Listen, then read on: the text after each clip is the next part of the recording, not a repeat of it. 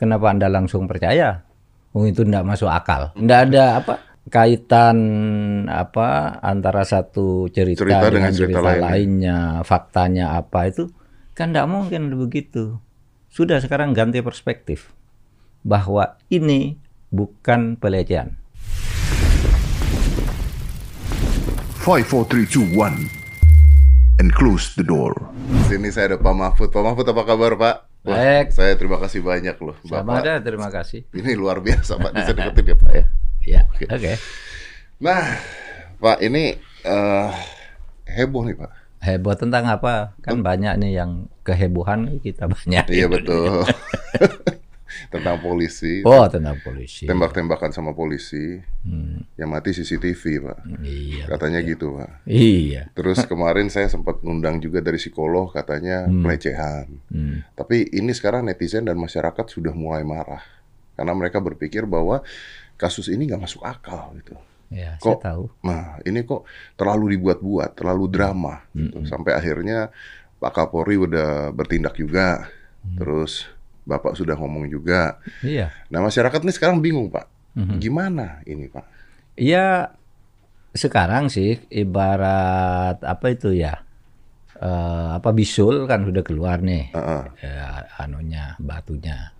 Ini tinggal selanjutnya aja, tetapi memang ka- kalau teknis hukumnya sih berikutnya saya kira tidak terlalu masalah karena sudah diumumkan sendiri sebagai tersangka dan ketika seorang jenderal itu sudah tersangka ndak main-main. Buktinya udah kuat saya konfirmasikan ke Polri ke mana ya sudah udah tinggal eh, hukum berikutnya.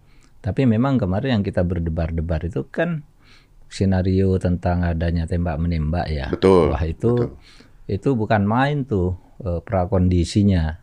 Sebelum skenario itu dimunculkan kan eh, tidak banyak yang tahu misalnya bahwa sudah ada eh, jebakan psikologis kepada orang-orang tertentu untuk mendukung eh, bahwa itu tembak menembak siapa itu? Satu Kompolnas. Kompolnas itu hari Senin dipanggil oleh Pak Sambo diundang ke kantornya.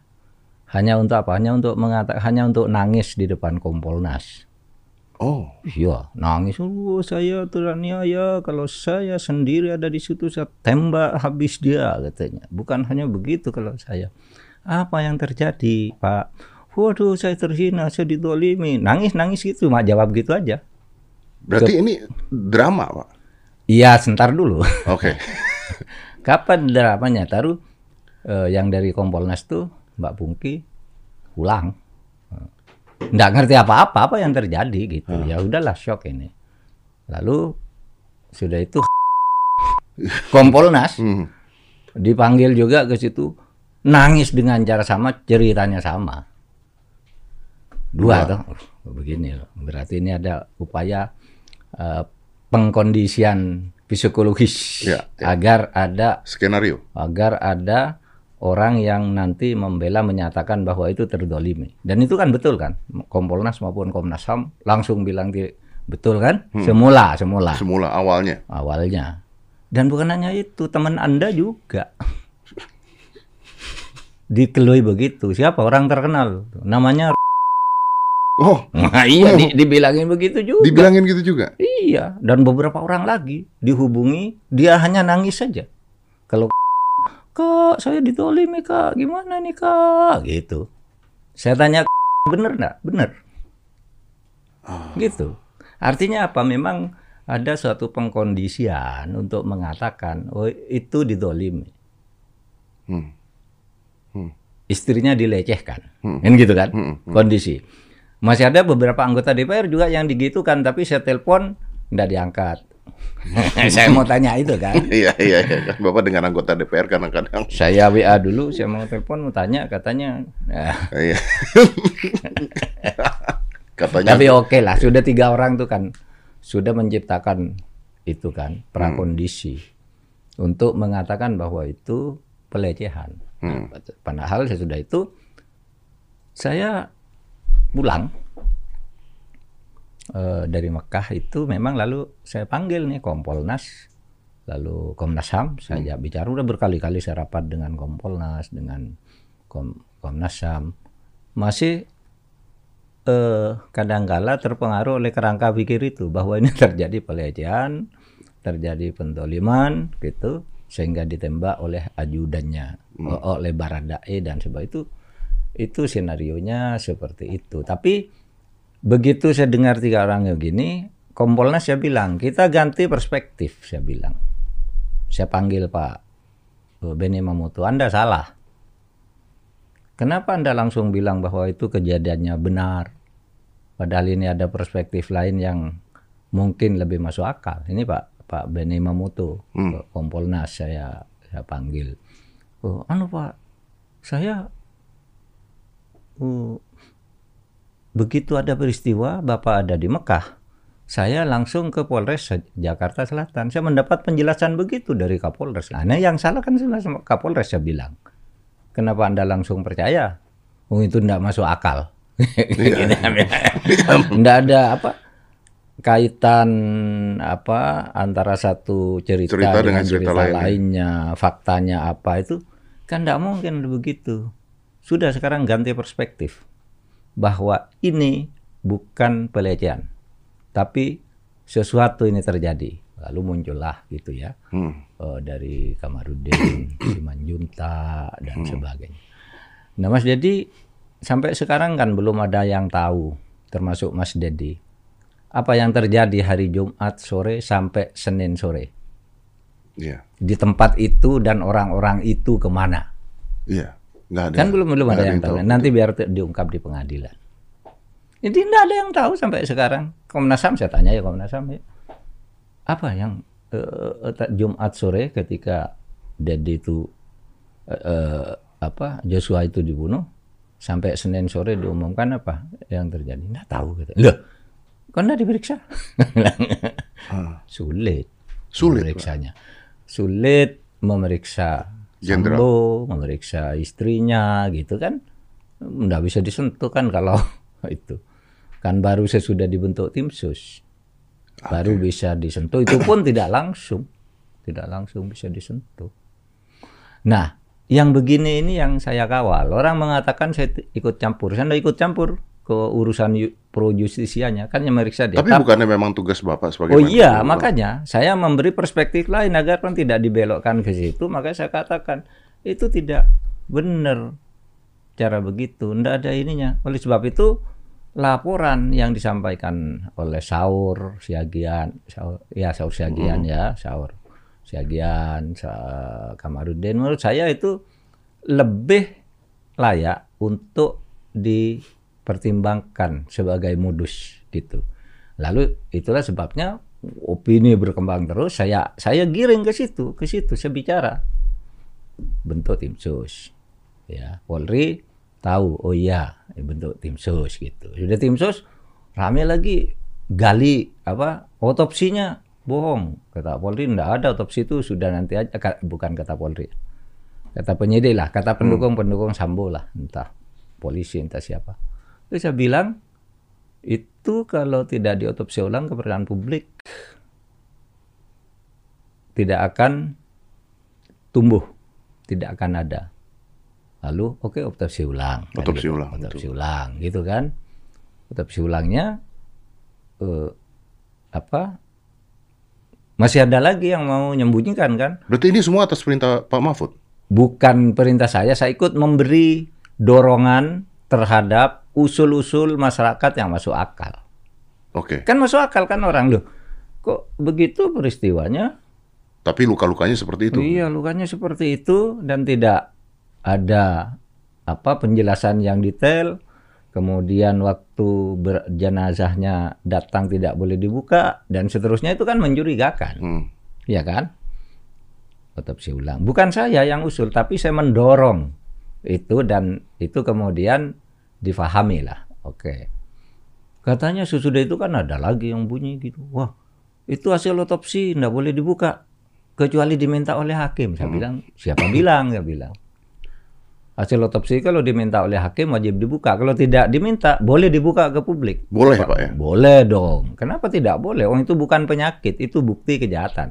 Oh iya. Kalau iya, penyakit iya. misalnya HIV gitu ya, eh, apalagi eh, penyakit menular itu tidak boleh dibuka Iya, ke karena publik. bisa memalukan Iya, contohnya. Kalau Tindak otopsi- kejahatan? Iya, catatan dokter masa anda boleh uang uang palsu aja diletakkan di meja, celurit di meja, Iya, ini di betul. meja, ini tunjukkan masa ini enggak boleh, saya bilang, bilang begitu. Akhirnya oke, meskipun sekarang belum ya, belum eh, kan nunggu empat minggu Iya. gitu. Dan banyak lah, banyak banyak misteri di balik itu. Ya untungnya presiden kita tegas, pesannya itu dibuka. Karena presiden ini informasinya banyak juga ya, bukan hanya laporan resmi dari Polri, intelijen apa kita punya banyak intelijen kan. Dari- ada BIN, ada BAIS, ada eh, Densus, ada BNPT itu semua punya tuh intel, kejaksaan gitu kan, kan tinggal panggil aja kan kalau presiden jadi tahu sehingga dia tegas. Buka sejujur-jujurnya, jangan ada yang ditutupi, gitu, beri akses kepada keluarga, nah itu kan, Hmm. nah itu maka terus itu Polri berjalan ke situ. Pak Mahfud. Ya. Tapi kalau misalnya dibuka sejujur-jujurnya, Hmm. ini pemikiran masyarakat ya Pak ya. Bahkan nanti akan ketahuan lagi nama-nama orang lain lagi. Dan bisa juga jenderal-jenderal. Bisa juga pangkat-pangkat tinggi. Apa ini enggak? Kalau di kasus pembunuhan ini terlokalisir terhadap 31 nama saja di dalam kasus pembunuhan ini. Tapi kalau dibuka-bukaan semua dia ada kasus lain, kasus lain tuh banyak juga. Tapi ya, makanya saya katakan udahlah ke kasus ini aja, jangan melebar ke soal ah, judi, narkoba apa ya nanti aja. Mm, kasus ini pembunuhan ini dulu ya. Kasus pembunuhan ini saja dan itu ada 31 orang yang sekarang sedang Mm, sedang diperiksa. Sedang diperiksa, terperiksa namanya, belum disidik. Kalau sidik itu sudah tersangka. Ya. Dan kalau memang benar Pak, Iya. ternyata benar. Iya. Bukankah ini akan merusak nama kepolisian di masyarakat? Enggak, justru akan mengharumkan nama kepolisian. Seorang seorang pegiat survei kemarin eh, memberi info ke saya, Pak, dengan pengumuman Kapolri dan penjelasan-penjelasan Pak Mahfud, eh, Polri dan sebagainya, itu saya yakin katanya. Ini kalau disurvei kepercayaan terhadap Polri Naik. naik, lagi. Naik lagi. Iya kata dia. Ya, ya. Saya juga berpikir gitu sih, Iya. karena akhirnya polisi berani bertindak walaupun lawannya polisi juga iya, gitu. iya. Oke, tapi itu artinya Pak Mm-mm. mengatakan bahwa di dalam kepolisian banyak sekali polisi-polisi yang Oh iyalah ada. Di masyarakat juga kan juga ada ya. Orang-orang nakal begitu kan ada. Tetapi kalau sampai itu membesar dan eh, Polri sebagai institusi dikangkangi, nah itu celaka. Tapi kalau orang-orang nakal gitu, ya Polri banyak, tentara juga banyak. Hmm, Seperti halnya rakyat, kelompok pengajian Nggak ada, ada yang ya. nakal ya kan.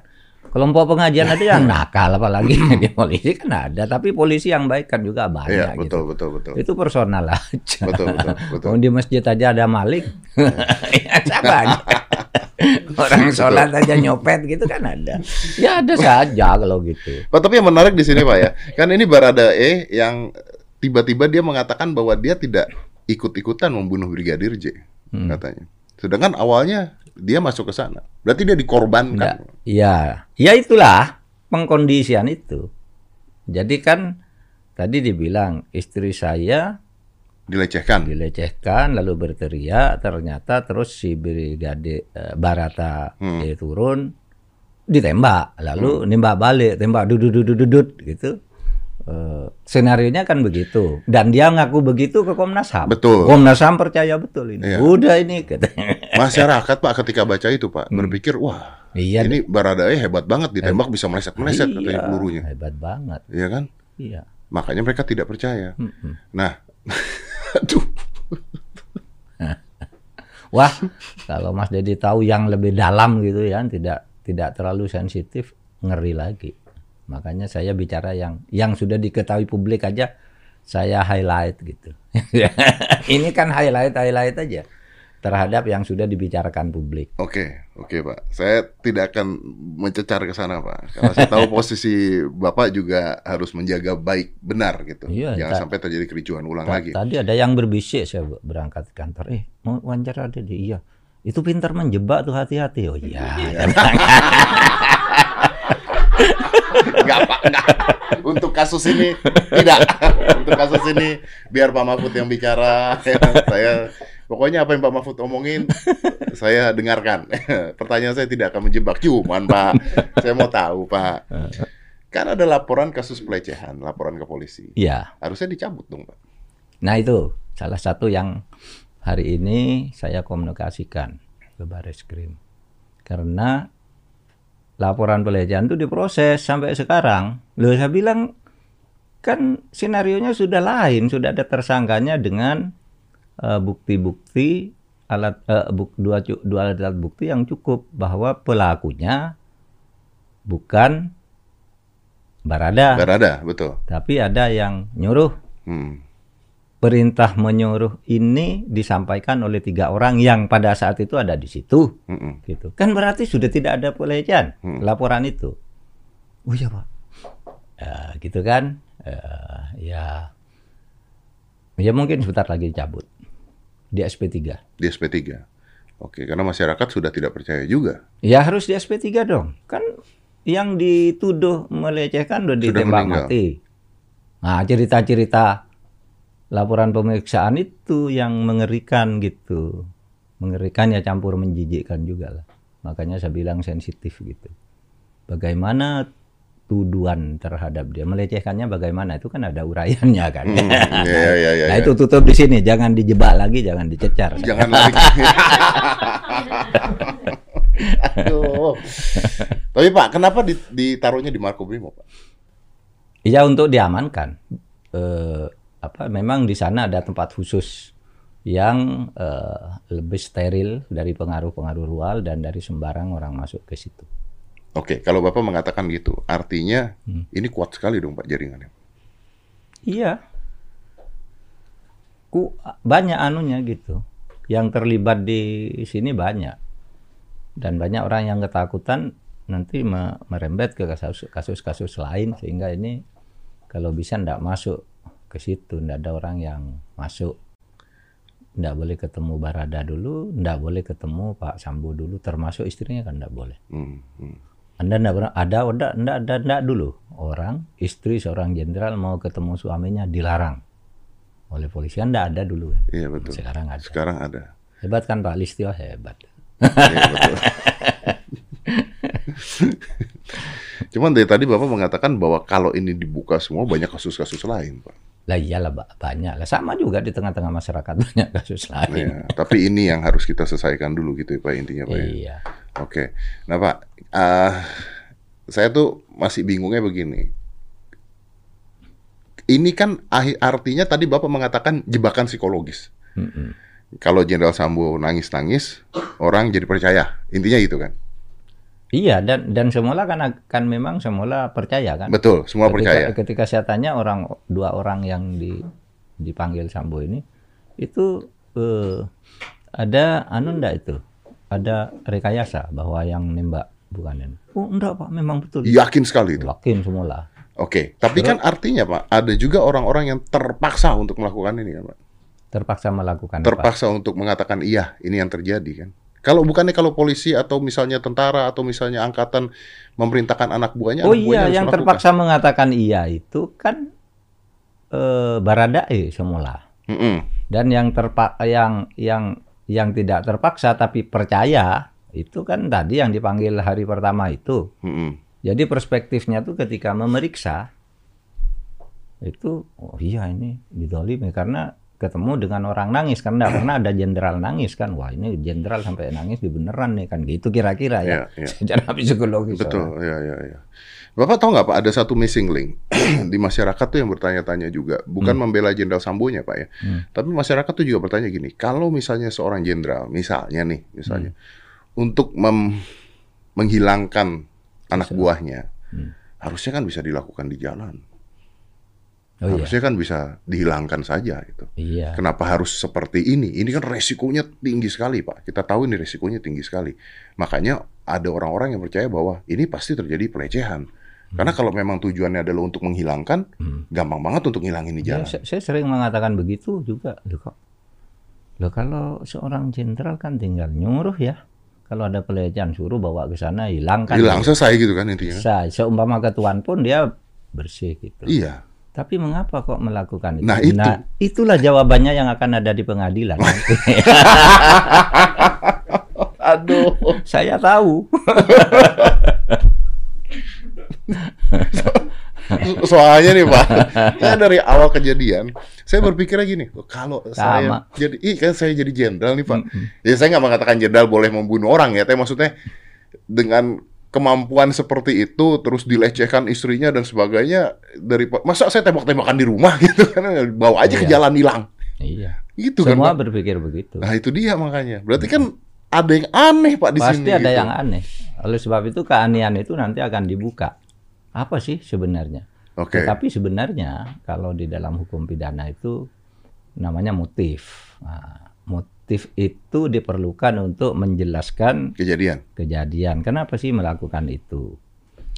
Tapi seumpama motif itu tidak terungkap, kalau hukum pidana itu faktanya Mm-mm. bahwa ada orang membunuh, terbukti bahwa dia membunuh atau memerintahkan membunuh itu sudah cukup. Motif motifnya bisa tidak ketemu.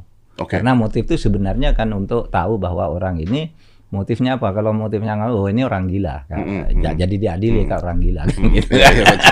Iya, iya, betul, betul, Iya betul. kan? Motif Betul. itu kan untuk mengetahui bahwa dia sehat apa enggak. Iya, gitu. iya. Tapi bahwa dia membunuh Tapi apakah motif itu mempengaruhi Pak keputusan pengadilan? pasti Mempengaruhi. pasti mempertim- me- mempengaruhi pertimbangan hakim, tetapi tidak akan membatalkan kesimpulan yang konstruksi hukumnya udah jelas. Jadi pembunuhan tetap pembunuhan. Oh iya. Hukumnya sama, walaupun motifnya bela diri Pak. Oh kalau bela diri lain lagi ada ada alasan pemaaf, ada alasan pembenar kalau di dalam hukum itu ya. Ada alasan untuk meniadakan hukuman ada tiga. Ada orang ada terjadi sesuatu, oh iya ini terjadi tapi tidak perlu ada hukuman. Mm-mm. misalnya ya. Tapi ada juga terjadi sesuatu ini benar karena dia membela diri, Mm-mm. ya kan? Itu dalam hukum dasarnya. Oh, oh ini benar terjadi, tapi dia terpaksa. Ya, ya. Nah, itu tidak dihukum. Nah, Bapak pernah baca nggak Pak ada mot ada orang membunuh begal gara-gara dia dibegal, tapi orang itu dipenjara. Iya. Eh, Akhirnya sekarang dilepasin ya? oh kalau yang dilepas itu kan saya yang ngelepas yang di Bekasi itu kan. Iya, iya, iya. Iya.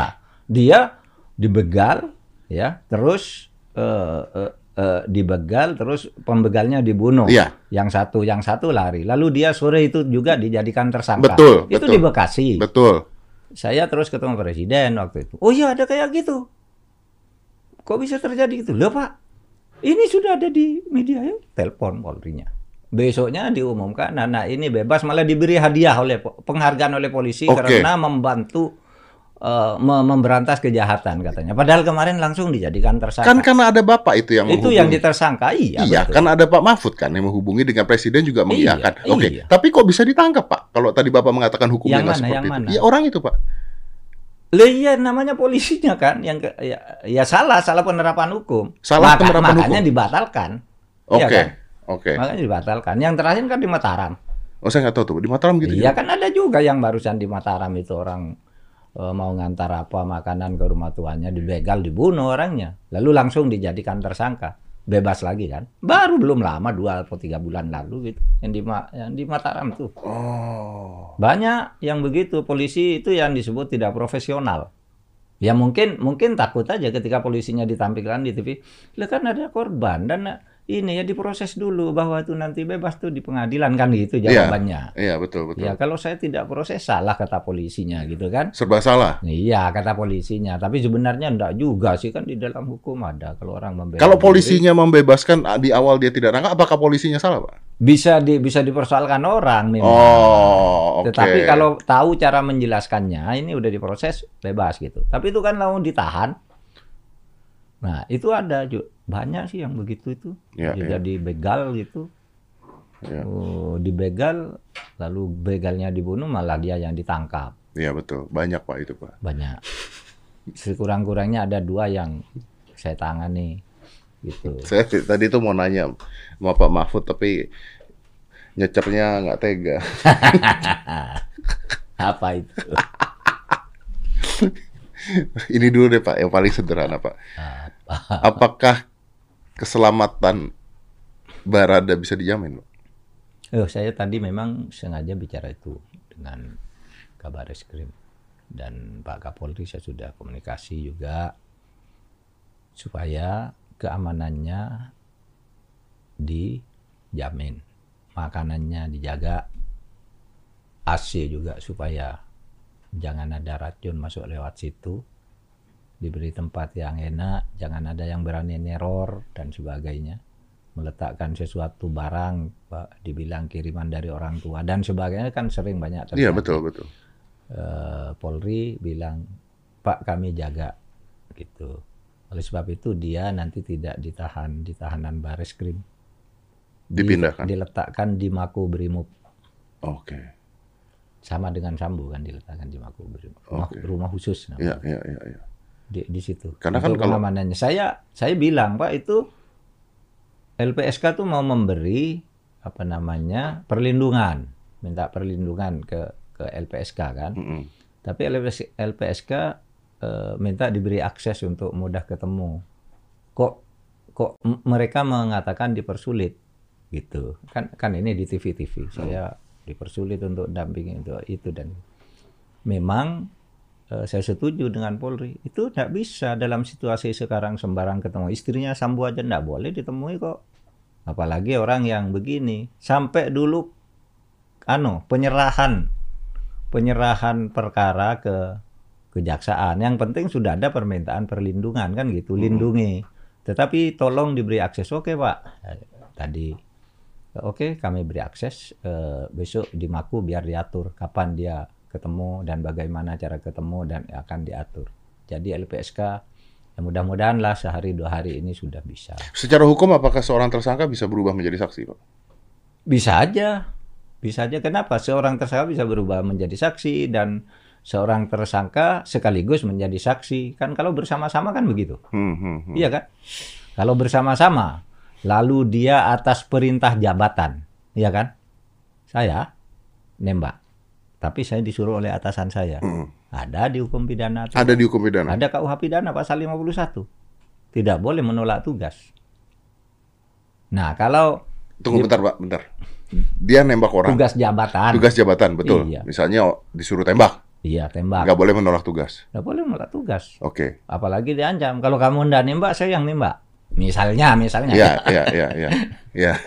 Jangan curiga dulu.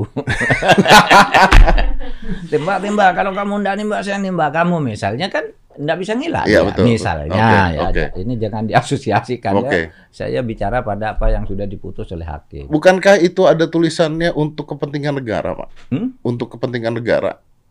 Yang mana? Yang kalau misalnya dia harus mengikuti atasannya. Iya makanya. Karena kalau karena jabatan, Heeh. ya, lalu dia tidak boleh nolak. Betul. gitu kan Betul, itu betul. kan itu doktrinnya begitu Iya. di perintah atasan harus tunduk jangan tanya gitu Betul. ya perintah perintah jabatan lalu ternyata salah maka dia bebas secara hukum Dia bebas secara hukum. bebas secara hukum karena dia dipaksa Ah. kan gitu di dalam pasal 51 KUHP kalau itu tapi dipaksa betul apa enggak apa ada cara lain untuk menghindar dari itu gitu kalau tidak ada cara lain berarti dia pelakunya yang nyuruh itu intelektualnya makanya yang nyuruh itu bisa kena pasal 340 pembunuhan berencana Pembunuhan berencana. kalau ini pembunuhan yang bisa diringankan lagi hukumannya karena eh, terpaksa ada dorongan yang sulit dihindari atau apa nanti kan hakim bisa Dia balik lagi motif ya, Pak ya? iya Motifnya. iya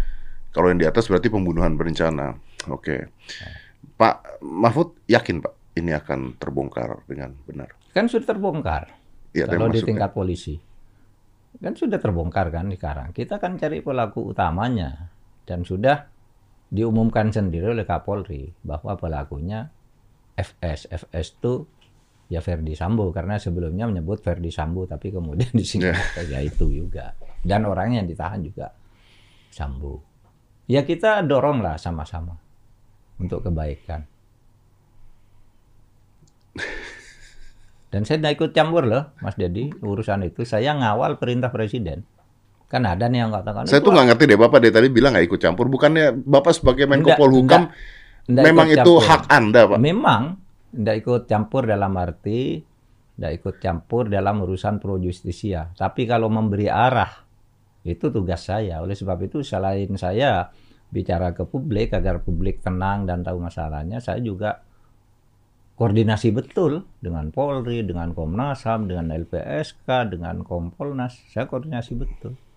Bahkan dengan BNPT meskipun tidak ada kaitannya, tapi di situ kan ada orang-orang yang ahli dipekerjakan di situ. Di Densus orang yang ahli mencari pembunuh atau pelaku kejahatan seperti itu, yang yang rumit seperti itu. Ano ya, pusing. Bukan pusing Pak, saya tuh banyak yang mau saya tanya Pak sebenarnya. Cuman kan sulit. Tapi masyarakat udah tahu nih bahwa Nah, itu ini tahu. ternyata bohong gitu. Cerita-cerita ini tuh bohong gitu, semuanya bohong dan Iya. ini yang sebenarnya terjadi gitu. Dan saya nggak nyangka juga bahwa akan dibongkar gitu Pak. Bahwa ternyata dibongkar-bongkar juga. Iya, kita harus memberi apresiasi kalau saya ya. Apresiasi kepada ya Kapolri tentu saja yang nomor satu. Yang kedua ya para bintang tiga, Pak Agung, Pak Agus, Pak Doviri, Mm-mm. kemudian Pak Gatot, Mm. dan yang lain-lain lah yang yang itu yang gigih itu untuk eh, apa menindak secara benar dan fair sesuai arahan presiden tapi buktinya harus kuat bukan hanya karena diperintah presiden lalu menetapkan orang ter di, di, di anu dulu dikonstruksi hukum Nah kenapa kenapa terkesan lama Pak? ya karena memang tidak mudah kan kasus ini sebenarnya sih kalau teori apa namanya penyidikan saya kan banyak ketemu dengan tentara-tentara yang dulu masih bergabung ABRI kan Mm-mm. ABRI Eh, tentara itu dulu sama polisi kan satu kan sekarang kan terpisah. Tapi yang senior senior sudah pensiun ketemu pensiunan polisi ketemu pak katanya. Loh itu tempatnya kan jelas berapa? Seribu meter eh, misalnya seribu meter areal tanah. Terjadi di situ bangunannya begitu. Yang ada di situ sudah lebih dari dua orang. Wah itu urusan polsek aja bisa pak katanya. Ndak usah ndak usah polres polsek aja bisa cepat gitu saya pernah membongkar kasus ini ini ini yang sulit-sulit bisa betul kan kasus eh, mutilasi kasus pencurian bayi kasus apa langsung ketemu iya kan pak Mm-mm, mm-mm. iya asal jangan lari ke luar negeri aja Ya, ya, ya, Kalau ya, di ya. luar negeri harus pakai Interpol kan Iya iya betul. Tapi kan saat ini yang ketangkap udah berapa Pak? Kenapa? Saat ini yang ditangkap sudah berapa Pak? yang diamankan 31 Mm-mm. yang ditahan tersangkanya 4 iya kan? Iya. Yang diamankan 31. yang masih dalam proses terperiksa. Dan nanti saya katakan tadi loh itu kalau diperiksa di, diamankan begitu tuh kan bu- belum tersangka. Masih terperiksa pelanggaran etik tidak profesional lah. Kok AC bisa hilang kok ini bisa orang masuk kayak gitu-gitu.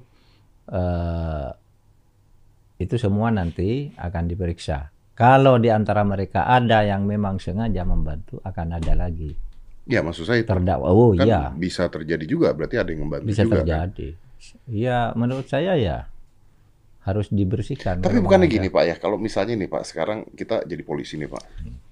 Bin- kita belum ada bintang deh gitu ya misalnya. hmm. terus Terus tiba-tiba terjadi hal seperti ini gitu. hmm. Terus yang minta tolong gitu, Mm-mm. bintang dua nih Pak. Minta tolong ke orang yang punya belum punya bintang Betul, betul.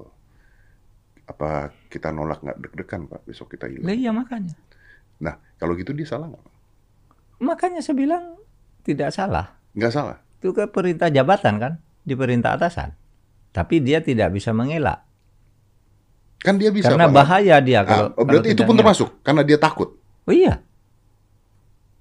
Iya, kan bisa. Tinggal nanti bagaimana itu pembelanya, jaksanya mengkonstruksi itu.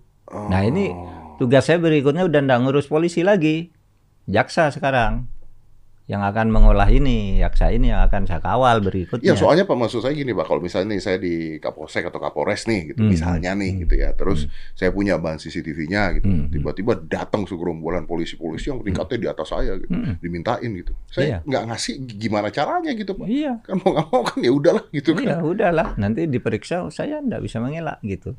Kalau saya ngelak, saya bahaya atau saya bisa dicopot dan sebagainya dan sebagainya. Itu akan menjadi pertimbangan untuk kalau tidak membebaskan ya menghukum ringan. Iya kan? Menghukum ringan itu bisa oh kamu eh, ti- seharusnya ngelawan Hmm. gitu. Hmm. Padahal nggak boleh kan iya, misalnya iya, kata makanya. hakim.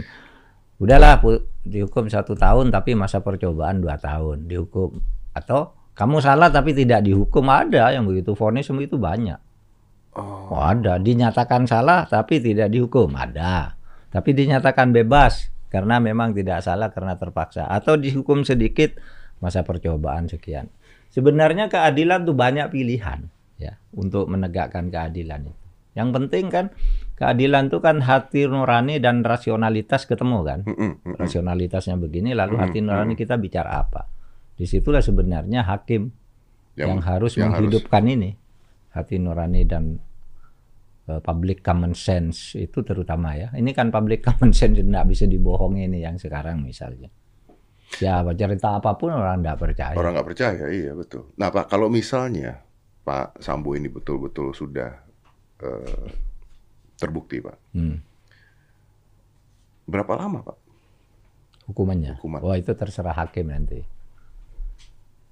Tapi ancaman maksimal itu hukuman mati kalau hukuman mati ancaman maksimalnya ya kalau terbukti dan hukumannya di bawah 15 tahun itu tidak adil. Ancamannya hukuman mati kok cuma kena 15 tahun kan gitu. Itu tidak adil, oke. Kalau terbukti ya. Kalau terbukti, kalau terbukti. Orang yang membantu Pak, masuknya juga ikut pembunuhan berencana nggak? Enggak. Yang ter- tergantung apakah kita meren- ketika membantu itu dia ikut merencanakan atau diperintah seketika. Iya, iya, oke. Iya kan? Iya, iya, iya. Misalnya saya ber, ayo besok bunuh lalu ada dua tiga orang, ayo besok ah, ikut bersama-sama namanya menurut pasal 55. Oke, Hmm. kalau orang yang melihat kejadian tapi diam saja gimana? Oh kalau itu lihat saja lihat kejadian, Mm. diam saja, tidak melapor Kan gitu. bisa saja misalnya istrinya Pak Sambo melihat kejadian misalnya, Mm, mm, mm, tapi kan nggak mungkin dia ngomong nih, mm, mm. kan diam saja dong. Ya dia sudah ngomong kok, udah nanti aja lihat di pengadilan. kan gua jadi bingung nanya kan kalau kayak begini. Waduh. dia sudah ngomong kok, gimana? Saya kan tidak boleh membocorkan Iya iya iya iya. Iya apa yang saya ketahui Yo. secara pro justisia. Iya, betul betul. Ya, kalau saya berandai-andai nanti Salah memberi, ya, memberi ya? contoh orang lain Iya, salah. betul, Lebih betul, baik betul. Bapak boleh, kan. Anda mau tanya Bu Putri kan? Ya sudah dia sudah ngomong gitu aja. Oh iya iya. iya.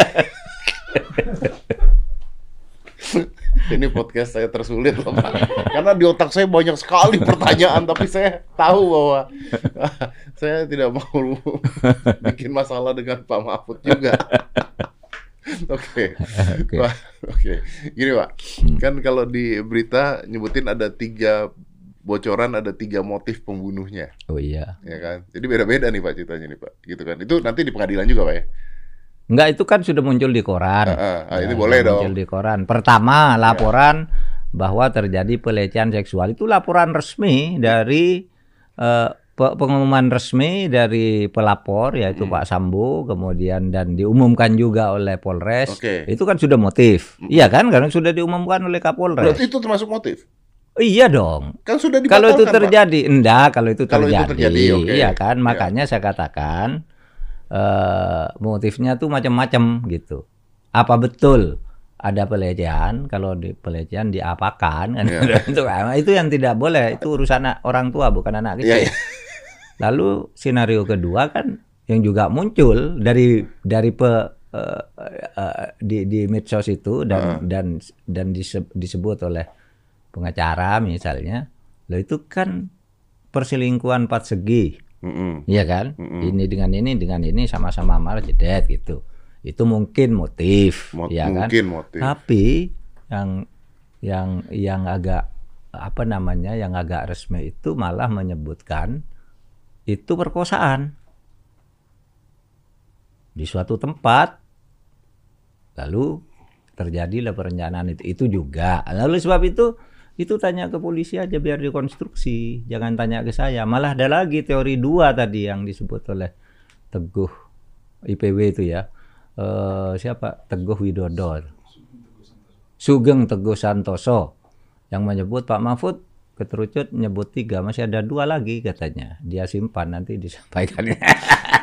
Itu motif-motif yang bisa nanti diolah dikonstruksi gitu tapi saya juga apresiasi lah kepada Mas Teguh itu ya kan yang berteriak pertama kali Hmm. ketika kasus ini muncul bahwa terjadi tembak menembak itu orang semula tidak peduli ya sudahlah tembak menembak kenapa ya biasa biar ditangani polisi laporkan ke polisi tapi Teguh yang pertama kali berteriak itu salah nah benar Gimana? Kok bisa terjadi di situ? Pasti diusut.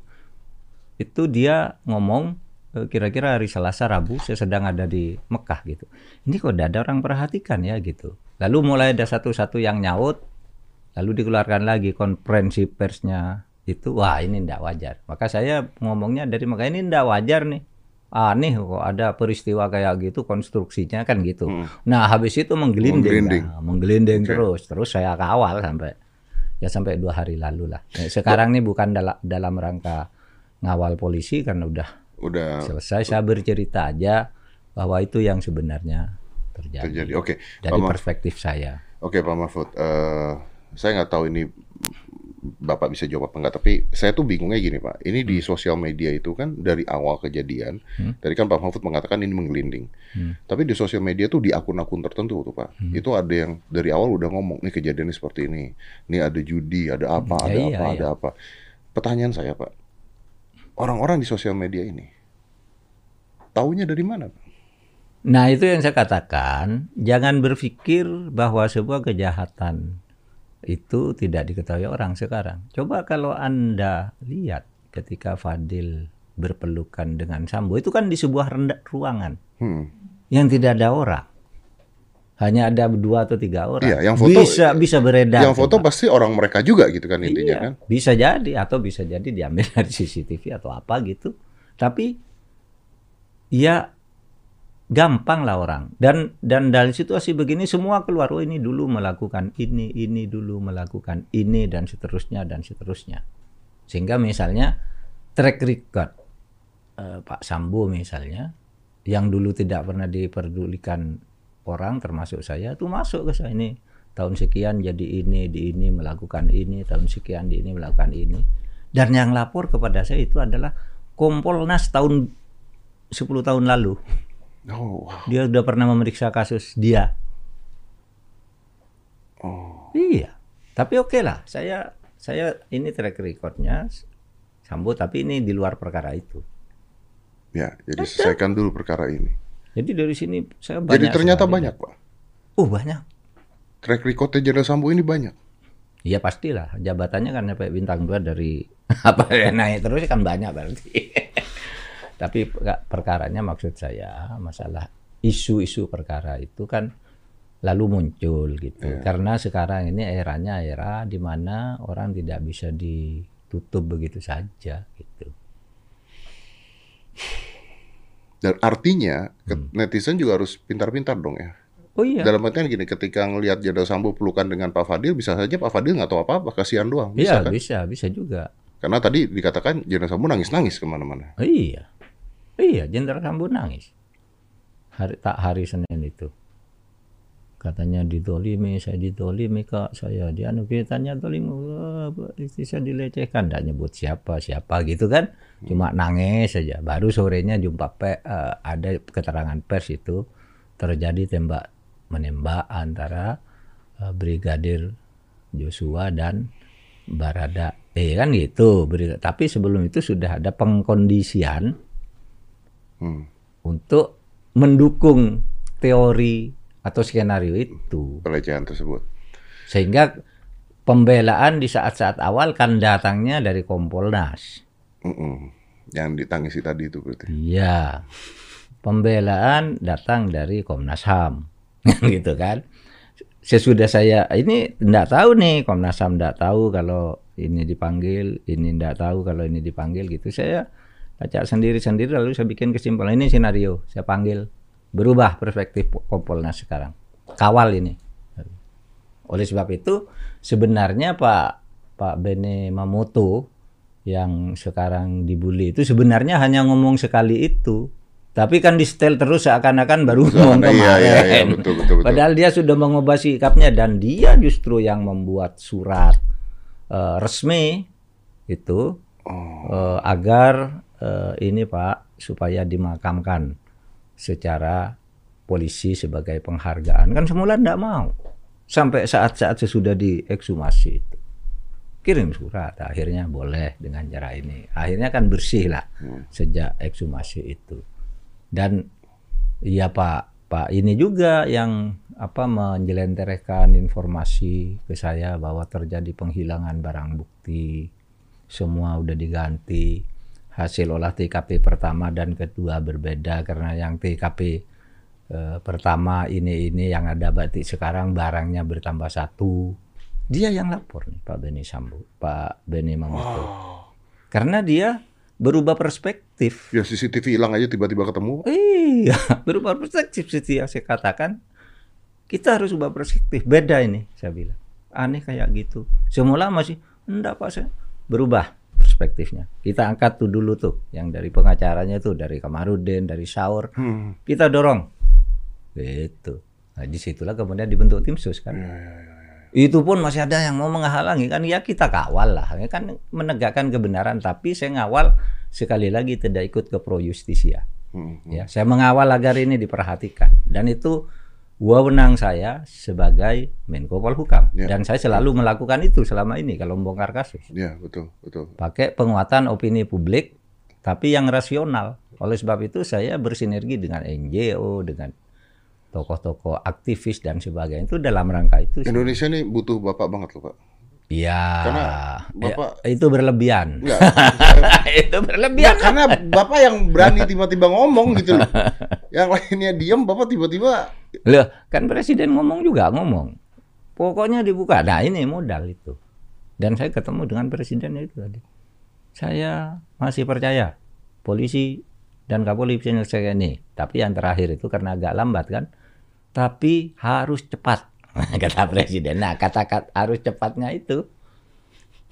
Maka sesudah bicara itu langsung diumumkan. aduh, aduh, aduh, aduh. Saya bilang ke saya, ada para Anung. Saya percaya Pak Menko, tapi harus cepat. Artinya saya balik kalimat, "Loh, kalau Pak Presiden percaya asalkan cepat, bukan tapi cepat, asalkan cepat. Artinya apa? Kalau tidak cepat kepercayaan itu bisa hilang, gitu kan? iya kan? Iya gitu. Saya sampaikan ke Polri begitu.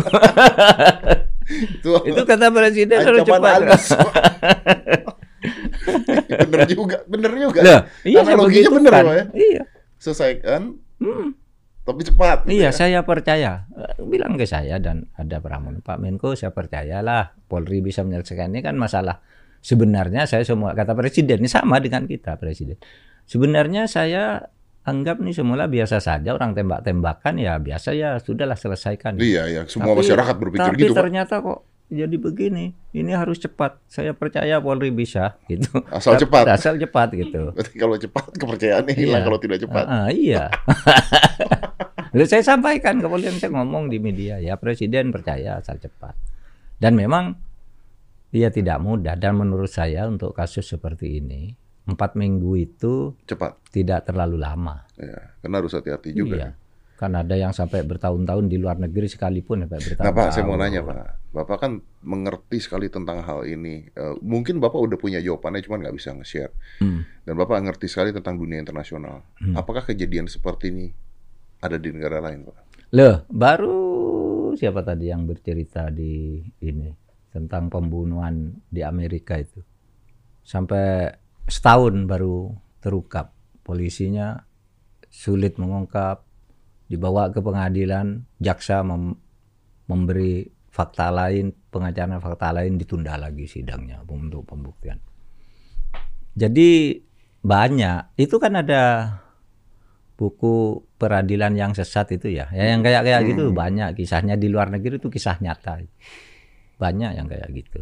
Tapi makanya saya bilang ini termasuk cepat lah. Ya, ya. Makanya saya bilang begitu itu selesai saya langsung touch Pak Kapolri Pak selamat Pak Bapak telah menolong bangsa Indonesia dan Bapak sukses dan betul kan pujian publik kan datang Betul, betul, betul. untuk Pak Kapolri. Wah ini berarti nggak boleh salah langkah nih Pak ya. Oh iya enggak boleh.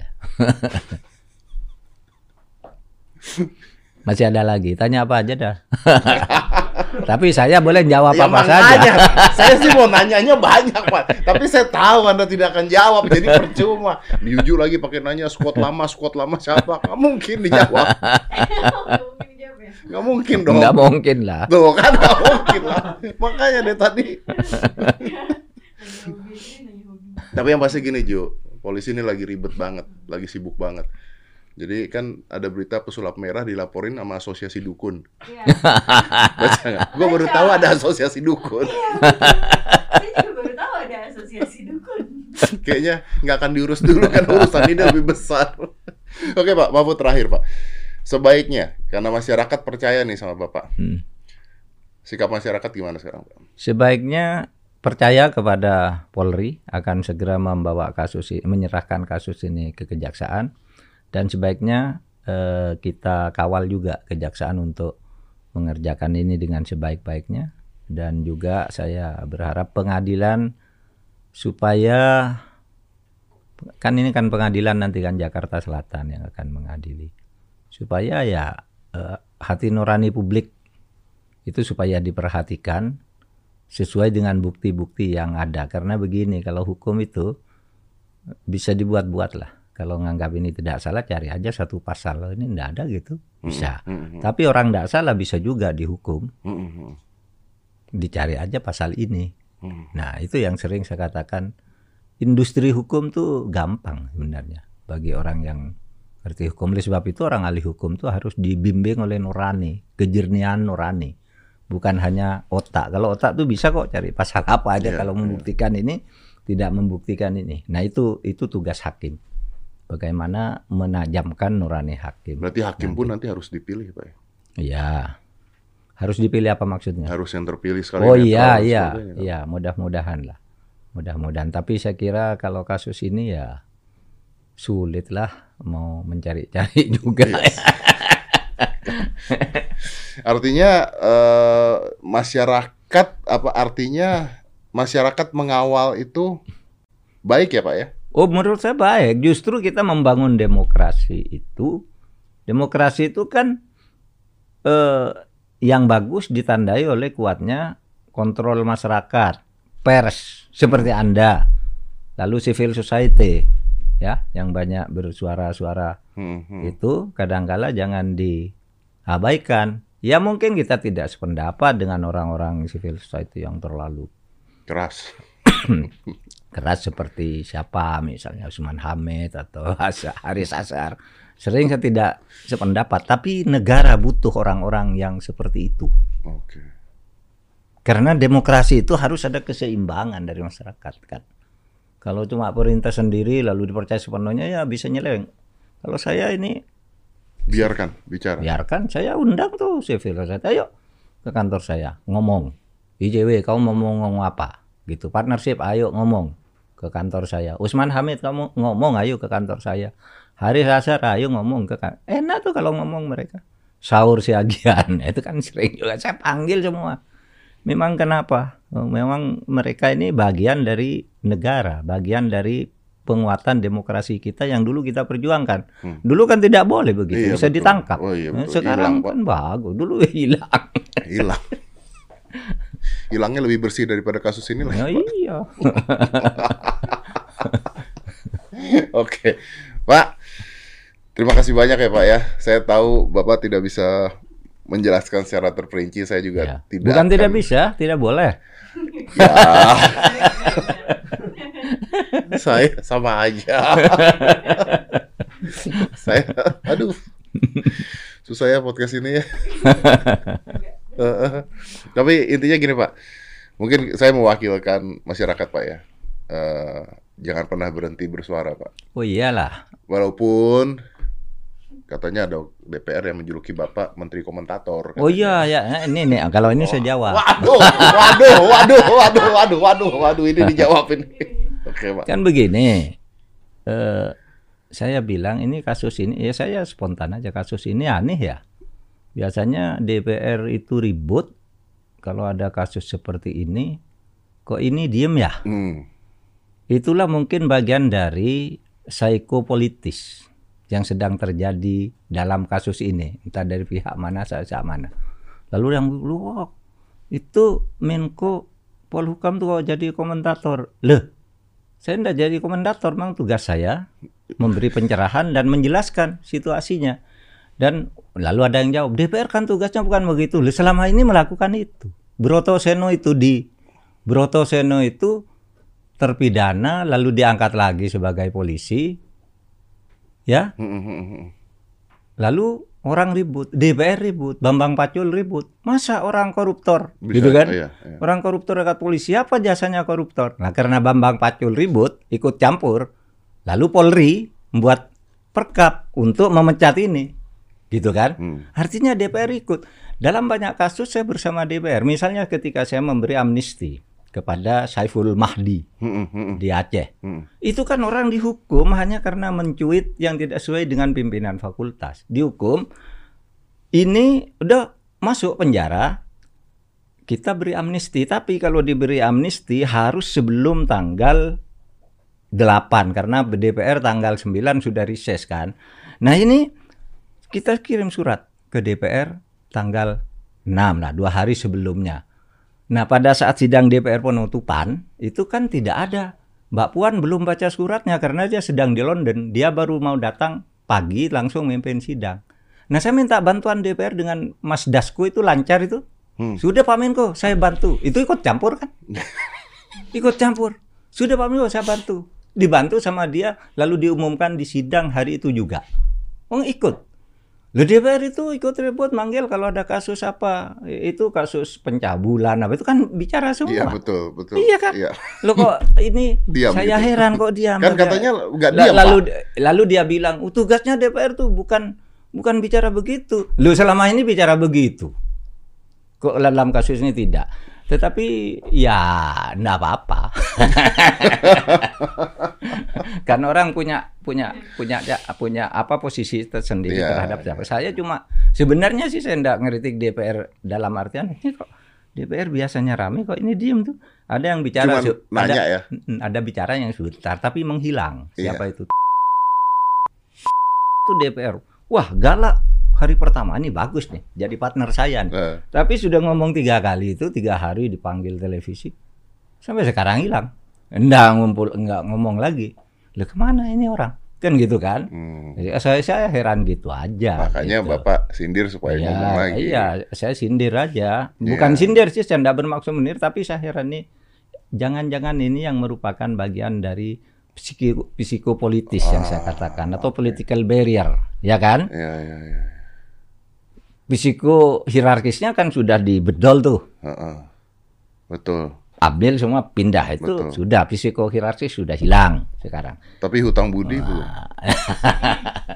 ya itu tadi maksud saya ken- kenapa ya DPR kok Jum? lalu ya ada yang marah lalu Pak Pak Menko tuh kok mengumumkan tersangka saya enggak ngumumkan saya memberitahu bahwa tersangkanya tiga karena saya baru ketemu Kapolri maka ketika Kapolri menjelaskan kemarin tersangkanya sudah tiga sekarang tambah satu jadi empat. Kan itu waktu Iya, iya, menjelaskan itu kan? Iya. itu membenarkan saya bahwa saya ketemu dia memang tiga. Cuma belum diumumkan karena saya tidak ngumumkan saya memberitahu aja. Kalau mengumumkan kan berarti namanya ini ya tamu diakap sekian dengan dugaan sekian pasal sekian. Enggak. Saya bilang tersangkanya sudah tiga. Dari mana? Dari Polri. Gitu aja Lu saya kan kalau ditanya tidak pernah anu tidak pernah menahan apa eh, fakta kan saya lang- langsung spontan aja kecuali hal yang sensitif yang tadi banyak ditanyakan tuh nunggu dulu di pengadilan. Iya, iya, Pak. Ya, itu justru. Tapi bener loh Pak, tadi kalau saya ngomong gitu Pak, ya, maksudnya gini, se- seorang Jenderal Sambo juga mungkin banyak sekali jasanya kan, pastilah gitu. Jadi orang-orang yang hutang budi juga banyak kayaknya. Iya, iya, itu yang disebut. Iya kan. Jadi ketika mau ngomong ya aduh nggak enak nih, pernah begini, pernah begini, itu kan susah Iya juga. kan Pak. banyak juga ya orang yang jengkel apa gitu, ndak berani ngomong. Meskipun dia punya posisi, tapi lapornya ke saya misal, sehingga saya tahu banyak. Oh, anda, iya, anda iya. kok, anda kok nggak ngomong sendiri, wow bapak aja. Kalau yang tahu banyak baik pak, kita nggak usah tahu lah pak. tambah tahu tambah serem pak kita pak. Tapi kalau pak terus bersuara pak, orang dibayar negara untuk bersuara ya pak ya, masa nggak bersuara? Gimana sih? ya, Baik, Pak Mahfud, terima kasih banyak.